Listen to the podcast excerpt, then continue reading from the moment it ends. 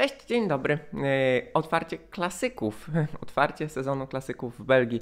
Omloop, Het Nieuwsblad i Kurne Bruksela Kurne pod znakiem siły drużyn, pod znakiem Jumbo Visma w przypadku peletonu męskiego i SD Works w przypadku peletonu kobiecego. Ja nazywam się Marek Tyniec i regularnie komentuję dla Was najważniejsze wydarzenia w wyczynowym kolarstwie.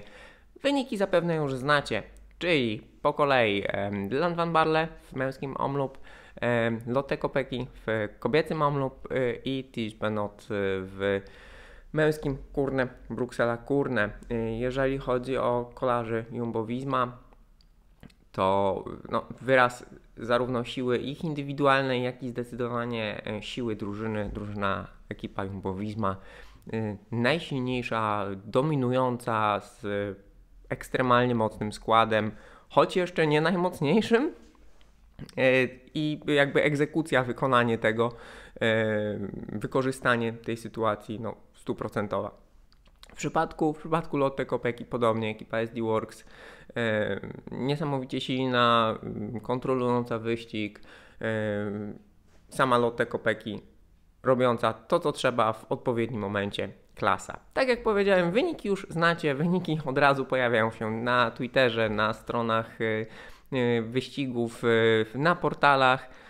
Zatem co mogę dodać od siebie? Myślę, że mogę dodać od siebie to, że mm, zwłaszcza zwycięzca Benota i Van Barle to jest pokaz, lekcja, e, przykład, inspiracja. Bo to są zawodnicy świetni, zawodnicy znakomici, natomiast zawodnicy, którzy już E, są w tym, już nie można o nich mówić, że to są młodzi zawodnicy, to są e, zawodnicy w pełni ukształtowani, doświadczeni w okolicach 30 roku życia, plus minus 2, e, i którzy pełnią ważne funkcje w swoich zespołach, natomiast nie wygrywają zbyt często. Van Barle tak naprawdę na rozkwit kariery czekał dość długo. Dwarstwo Flanderen 21 rok, Paryż-Roubaix 22 no, więc w zasadzie, w zasadzie jego kariera jest już rozliczona i w tym roku, w tym roku Omlub. Wcześniej oczywiście bywał pretendentem we Flandrii, mm, ale tak naprawdę był głównie, był głównie pomocnikiem e, w grupie Sky i Neos. Bardzo dobrze, jak na tego typu zawodnika, jeździł w górach, nie tylko prowadził mm, swoich liderów na etapach wietrznych, nie tylko pomagał im w dolinach, ale również, podobnie jak Michał Kwiatkowski, robił bardzo mocne tempo pod górę i co było czasami aż zaskakujące, kogo kolarz, który specjalizuje się w jeździe po brukach, urywa pod górę. I z kolei w przypadku Benota kariera Benota rozpoczęła się od wygranej w Stradę Biankę, natomiast potem szło troszkę wolniej. No i ma wygraną w Kurne, Bruksela Kurne. Oczywiście zarówno Omloop, jak, jakby Kurne, Bruksela Kurne to nie są te, to nie są monumenty. Pamiętajmy o tym, to nie są monumenty. Natomiast to są ważne, prestiżowe wyścigi. Każdy kolarz e, chciałby mieć e, choćby jedno takie zwycięstwo w, w, swoim, e, w swoim CV. W związku z tym szacunek. No i przykład, przykład na to, że warto być pracowitym, warto czekać, warto być cierpliwym i warto, warto próbować, bo ten moment w końcu przychodzi. Mm, no i to pokazuje również, jak bardzo niesprawiedliwym albo wymagającym sportem jest kolarstwo, no bo właśnie nawet y, tak znakomici y, kolarze na sukcesy muszą czekać y, bardzo, bardzo długo. Wspomniałem tutaj o sile drużyny Jumbo.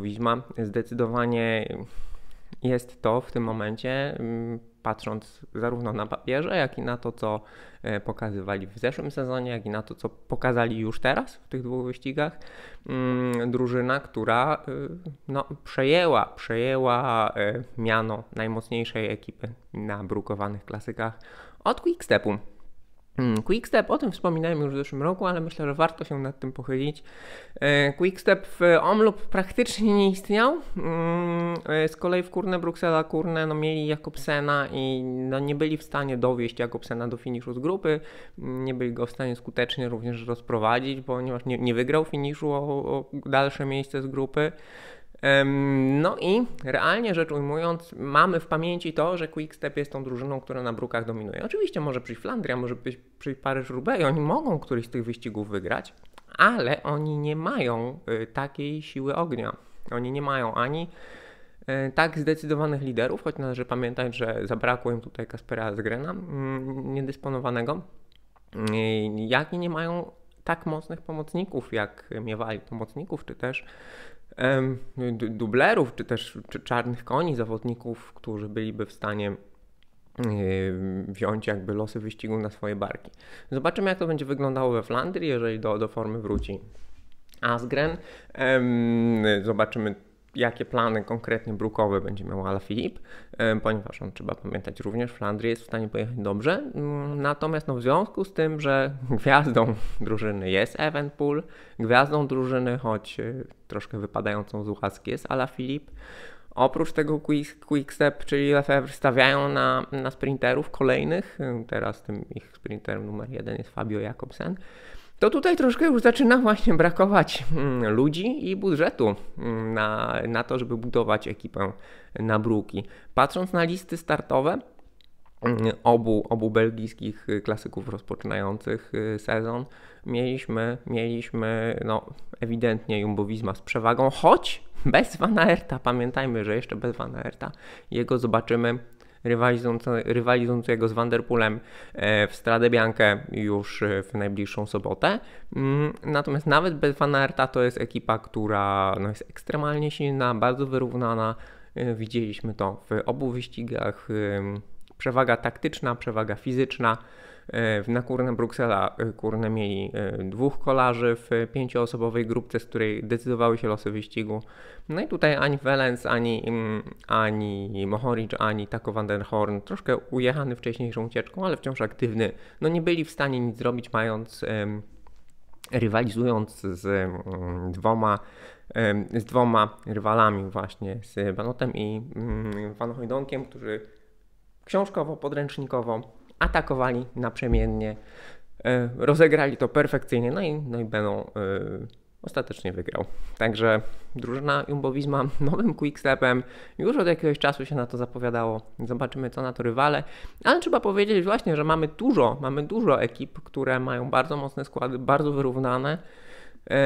Teraz chwila, chwila na przegrupowanie, na jakby dotrenowanie, na ościganie się w mniejszych imprezach. No i zobaczymy, zobaczymy jak podczas tych najważniejszych, najważniejszych imprez brukowanych podczas flandryjskiego Wielkiego Tygodnia, jak to, jak to będzie wyglądało. Jeżeli chodzi o wyścig kobiet, też bardzo fajny, rozgrywany po, po męskim e, omlub, więc ta dodatkowa godzina akurat w, w sobotnie popołudnie, e, kontynuacja jakby emocji. No i tutaj wszyscy patrzyli na Annemiek van Vleuten, Annemiek van Vleuten w końcówce nie było, tam miała jakiś e, defekt, podobno doszło do jakiegoś kontaktu między jej rowerem a rowerem Katarzyny niewiadomej, w związku z tym obie zostały wykluczone z rywalizacji o czołowe lokaty. Ekipa Movistarów w momencie w momencie defektu Van Vleuten wysłała do przodu e, Kubankę, e, która szybko zyskała minutę, ale tę minutę Lotte Kopeki w zasadzie zniwelowała jednym solidnym, e, bardzo, bardzo mocnym atakiem na Kapelmurze i obroniła się, obroniła się do końca, chociaż to nie było tak pewne jak w przypadku ataku Van Barle, ponieważ panie w peletonie szybciej i bardziej zdecydowanie e, zorganizowały pogoń niż panowie, którzy no, nie byli w stanie nie byli w stanie dopaść Van Barle. Tutaj w pewnym momencie na ostatnich kilometrach było naprawdę blisko, aby Lotte Kopeki została e, doścignięta, jednak się obroniła, no i wygrała po raz pierwszy dla Belgijek mm, ten wyścig. Tutaj warto powiedzieć, że Omloop lat już jest organizowany od kilkunastu lat dla kobiet. Tutaj ta historia jest mniej więcej porównywalna z wyścigiem męskim Strady Bianche, e, więc e, no cóż, można już mówić o naprawdę, naprawdę kolejnym, kolejnym solidnym klasyku mm, pod względem zarówno charakterystyki wyścigu, jak i tego, że te kilkanaście lat historii to już dość, żeby, żeby zbudować mm, solidną markę. E, tyle jeśli chodzi o klasyki.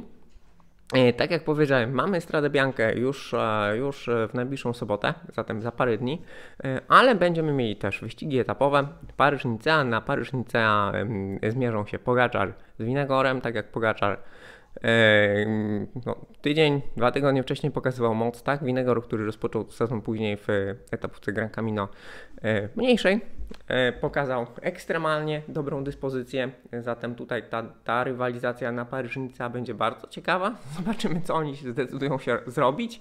No, w takim układzie żaden nie będzie mógł odpuścić. Mm, Bardzo dobrze pokazał się z kolei w Emiratach em, Arabskich Evenpool, który wygrał klasyfikację generalną, ale ostatecznie pod górę szybszy był Adam Yates, też z Emiratów, e, zatem tutaj wszyscy już, to nie jest nic nowego, ale potwierdza tendencję, że wszyscy od późnej zimy, wczesnej wiosny w bardzo, bardzo wysokiej dyspozycji. Tak jak powiedziałem o motywacji, em, historie Van Barle, historie e, będą ta bardzo inspirujące, pokazujące, że warto być cierpliwym, warto czekać.